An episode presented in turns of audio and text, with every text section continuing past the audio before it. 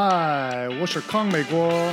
你现在正在收听的是《民间理念》。这校测试驱动开发系列。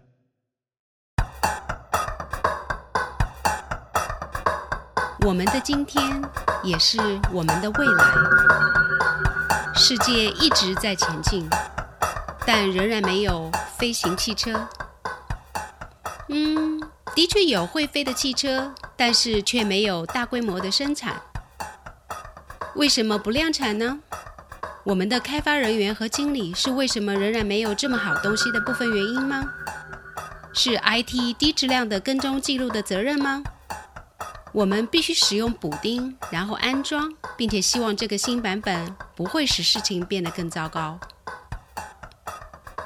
Lancer 已经把这个旅程带入了互联网、公司聚会和酒吧中，去找到为什么 TDD 还不是主流的原因。在接下来的节目中，我们将介绍 TDD 是什么，从开发人员那里听说他们为什么不做 TDD，并听取经理们所看到的问题。我们还将介绍如何进行 TDD，TDD 工作时项目特征是什么。以及失败采纳的早期预警指标。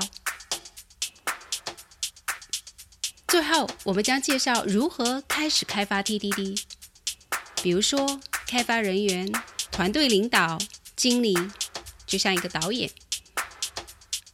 真正做 TDD 的开发人员是很罕见的，像是独角兽和会飞的汽车。所以，如果你和我一样喜欢飞行汽车这个想法，当你想去某个地方时，不满足于被束缚在地球上，那么你就要深入的审视自己，因为你可能是阻止这件事可行性的一部分原因。我们都抱怨过其他人或公司的软件质量很低，因为每一个发布的东西都曾经经历过运行然后停止的过程，这是一个测试自动化问题。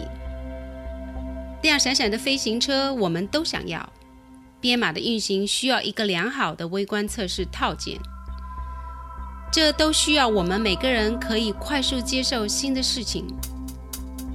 一些 .io 却不愿意花太多精力去学习像 TD 那么强大的东西。我们永远得不到想要的飞行车，因为当软件停止工作的时候。相当于你和你的乘客会被困在一个浅的撞击坑里。啊，以及我们谈谈敏捷和 TDD 玩忽职守。